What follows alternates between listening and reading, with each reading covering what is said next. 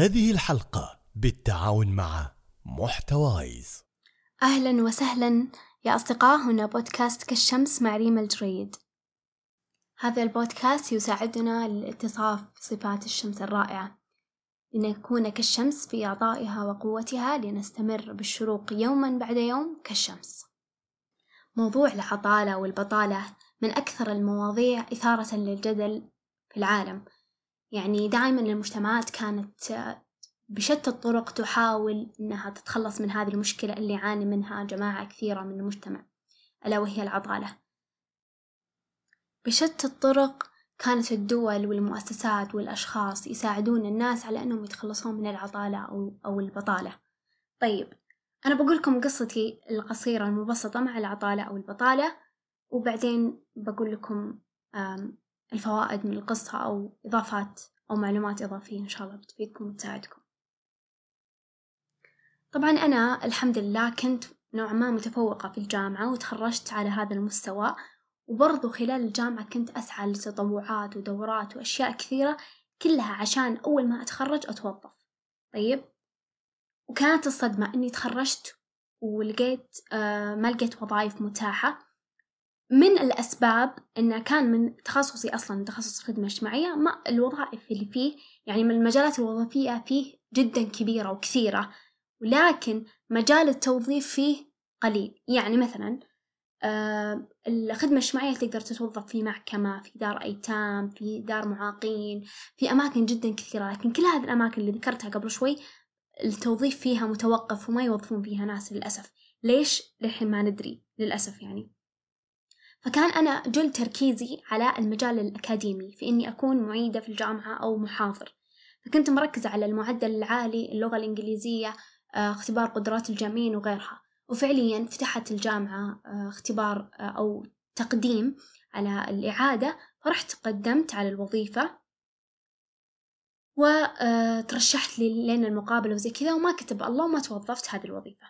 خلال الفترة اللي أنا كنت أنتظر فيها أصلا هذه الوظيفة كانت فترة جدا طويلة يمكن سنة أو أكثر. طبعا كنت وقتها عاطلة عن العمل وجالسة بانتظار إني أنتظر اتصال أو رسالة أو إيميل من هذا المكان عشان يقولوا لي أنا توظفت أو يا ريما قبلناك أو على الأقل يطمنوني ويقولوا لي ريما خلاص إحنا مثلا آه، وظفنا ناس غيرك وفرصة أوفر وحظ أوفر ودوري لك وظيفة ثانية. لكن للأسف ما صار هذا الشيء. كنت معلقة نفسي بهذه الآمال.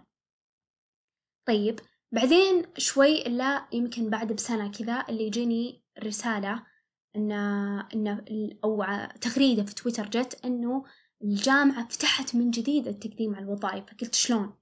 شلون يعني فتحت من جديد وما وظفت ناس من قبل ولا أرسلت الناس إنهم تم الرفض. استغربت. فرحت سألت دكتورة أنا أعرفها من أيام دراستي في الجامعة هل تم قبول عندكم معيدين من, من أيام اختبار المعيدين اللي صار قبل اللي أنا قدمت؟ واختبرت فيه. قالت إيوة نعم تم قبول معيدتين عندنا في الكلية. هنا كانت الصدمة بالنسبة لي وعرفت إني ما انقبلت. تضايقت حزنت بس قلت الحمد لله أكيد إن فيها خيرة لي. لكن الفترة اللي كنت فيها أنتظر الوظيفة كانت من أسوأ الفترات لأني كنت نوعا ما أمر باكتئاب. ليش؟ لأني كنت حاطة قيمتي بالوظيفة وحاطة قيمتي بهذه الوظيفة خصيصا. إني أكون معيدة وأنا أنتظر الإعادة عشان قيمتي ترتفع قدام الناس والناس يناظروني بشكل أفضل وأحسن وغيرها من الأشياء. وهنا كانت المشكلة. فكل ما تأخرت هذا الشيء كل ما آه، ما حسيت بقيمة بقيمة لذاتي. فقيمتي الذاتية كانت محصورة بهذا الشيء. فطول هذه الفترة كنت أتجنب إني أشوف ناس بس عشان ما حد يجي يسألني يقولي توظفتي أتجنب إني أتكلم مع الناس عشان ما حد يسألني. ها توظفتي ها ما لقيتي وتوظف عشان ما يجي أحد يعاتبني يقول لي ها شفت يا ريما؟ تخصصك صار ما له مستقبل تخصصك صار ما له ما له فايدة. مع إني أنا كنت بانية خطة وكنت عارفة إني أنا أنا عارفة إن المجالات اللي ما لها مستقبل بالنسبة لتخصصي أنا أصلا ما أبيها. أنا أبغى الوظيفة الأكاديمية. كنت حاطة خطة ألف وما ماني حاطة خطة باء أبدا. طيب بعد ما تقفلت الأبواب وجهي وعرفت أن الإعادة ريما ما هي متاحة حاليا. ممكن بعدين في المستقبل ربي ييسر لك موضوع الإعادة أو الوظيفة الأكاديمية لكن الآن ما في وظيفة أكاديمية ما في إعادة. كذا قفلتها بوجهي قلت ريما خلاص لازم نبدأ نخطط للخطة باء أو للبلان بي. خطة جديدة طريقة جديدة عشان أحصل على عمل عشان أقدر أكون منتجة أكثر في المجتمع وغيرها من الأشياء. قلت أوكي. إيش في أما أشياء أقدر أشتغل عليها؟ أول شيء أنا كأخصائية اجتماعية من أسهل الأشياء اللي أقدر أطور في أطور فيها نفسي زي ما قلت لكم إحنا في فرص كثيرة وظيفية عندنا لكن ما هي متاحة للتوظيف. الشيء أو المجال الوحيد اللي متاح للتوظيف اللي هو مجال الاستشارات أو المجال الطبي يعني بشكل عام مجال طبي يا مستشفى يا استشارات. طبعا المجال الطبي أنا بالنسبة لي كنت كان عندي فيه ملاحظات فأنا ما كنت أبغى أتوظف في مجال طبي. لكن قلت الاستشارات ليش لا؟ وخاصة أن الاستشارات أنت بمجرد حصولك على رخصة الممارسة المهنية الطبية تقدر تقدم استشارات حتى عن بعد من خلال تطبيقات ومن غيرها. فقلت ريما ليش ما تبدين؟ ليش ما الحين تجمعين فلوس وتحصلين على هذه الرخصة وبعدين شوي شوية وتفتحين المجال لتقديم على الاستشارات وغيرها. قلت تمام آه نبدأ نجمع الفلوس. وبرضو حاولت إني أدخل في دورات معينة تطور من مهاراتي كأخصائي اجتماعي يقدم استشارات لفئة معينة أو فئات متعددة من المجتمع. وبرضو قلت إيش عندي أنا إيش عندي إيش عندي أشياء أقدر أساهم فيها وأطور نفسي فيها. قلت عندي البودكاست. ليش ما أبدأ؟ يعني يمكن هذا القرار قبل شهور بدأ. ليش ما أبدأ أنزل حلقات آه، بشكل مستمر وأركز على البودكاست بشكل يعني كأنه كأنه شيء كأنه أحد فوق واقف فوق رأسي باختصار. يقول لي لازم تنزلين حلقة آه، حلقتين في الشهر ولازم كذا وكذا. أول ما كان عندي هذا الشيء أو هذه الجدية إني يلا بنزل يلا بحط حلقات كنت خلاص يعني ما في أحد رقيب علي وما في أحد يقول لي نزلي أو لا تنزلين فكنت ما أنزل حلقة إلا إذا اشتهيت وهذه الشهوة ما تصير إلا كل ثلاثة شهور تقريبا. فقلت ريما لا إحنا هذا خلاص لازم نعتبره العمل حقنا. يعني أن ريما وش موظفة؟ ريما موظفة في البودكاست والاستشارات.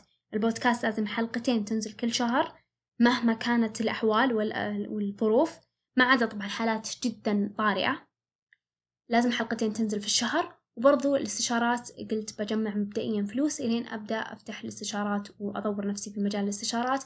مبدئيا أقدم استشارات عن بعد إلين أن أصل لمرحلة إني أقدر أقدم استشارات آه، في مراكز معينة بإذن الله بعدين وغيرها.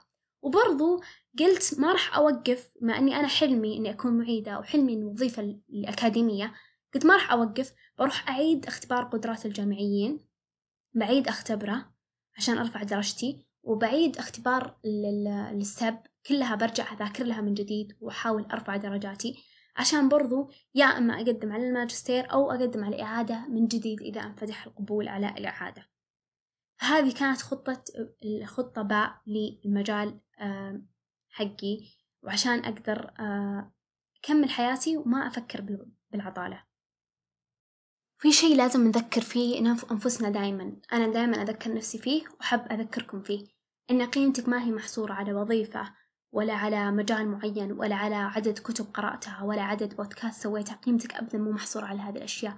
قيمتك عند رب العالمين بالصلوات اللي التزمت فيها بالصدقات بالأعمال الصالحة اللي سويتها. هذا الشيء اللي بيستمر معاك لين القبر. بالعطاءات اللي أنت تسويها للناس بابتسامتك بعطائك في مسامحتك للناس هذه الأشياء اللي بتستمر معاك لين القبر.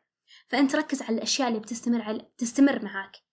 يعني حتى في مجالك وظيفتك أنت موظف في مكان في في آه، مجال معين أنت عندك شغل معين حاول الإخلاص فيه وإنك لما تقدم للناس إنك تراقب الله دائما يعني أنا والله بقدم للناس شيء معين أنا مثلا موظف في مستشفى موظف في في شركة إني أقدم شيء آه، صدق بيترك أثر على الناس الناس بعدين بيدعون لي لأني سويت لهم هذا الشيء. وبرضو أعرف إني إني كمرأة طبعا أنا يعني ككلامي موجه بأن أغلب المستمعين أو المستمعات للبودكاست نساء.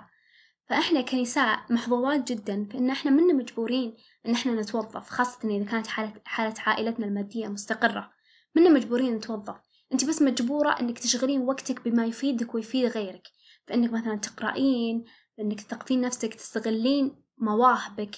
بإنك تروحين تقدمين مثلا دورات تقدمين نصايح للناس. تساعدين فلان تعلمين فلان تسوين فلان. مثلا إذا عندك موهبة تصميم أو تقديم أو شيء إنك تاخذين محتوى معين وتقدمينه للناس إنك تشغلين نفسك بما يفيدك ويفيد الناس. هذا أهم شيء. لكن إذا كان إذا كان المستمع رجل فهذا كلام ثاني. لأن أنت كرجل يعني عندك مسؤوليات ولازم تصرف على أهلك وتكون أسرة وكذا. فأنت وقتها ممكن تتوظف في أي مكان لو في سوبر ماركت أو في محل خضار وغيرها بس عشان تكون نفسك وتقدر تكون أسرة. لين بعدين تلقى الوظيفة اللي اللي تكون مرتاح فيها. طبعا أتوقع إنه إنكم سمعتوا هذه الحلقة الحلقة اللي نزلت أو المقطع البسيط اللي نزل الأسبوع اللي راح تكلمت فيه عن إني الحمد لله فتحت مجال استقبال الاستشارات وأخيرا وأرحب بالاستشارات. سواء كانت اجتماعية أو غيرها وبرضو بما أني اليوم ركزت على أخصائيات الاجتماعيات إذا أنت أخصائية اجتماعية وتخرجتي وتحسين إنك ضايعة وأنتي لاقية نفسك ممكن تحجزين برضو معي استشارة عشان أساعدك من, نا... من هذه الناحية. إنه أنت كيف تطورين نفسك كيف تبدين كأخصائية اجتماعية كيف وغيرها من الأشياء. آه هذا كان لهذه الحلقة. شكرا على حسن استماعكم. لا تنسون تقييم الحلقة ومشاركتها مع شخص إذا أعجبتكم. كل الحب نلقاكم بإذن الله في الحلقة القادمة.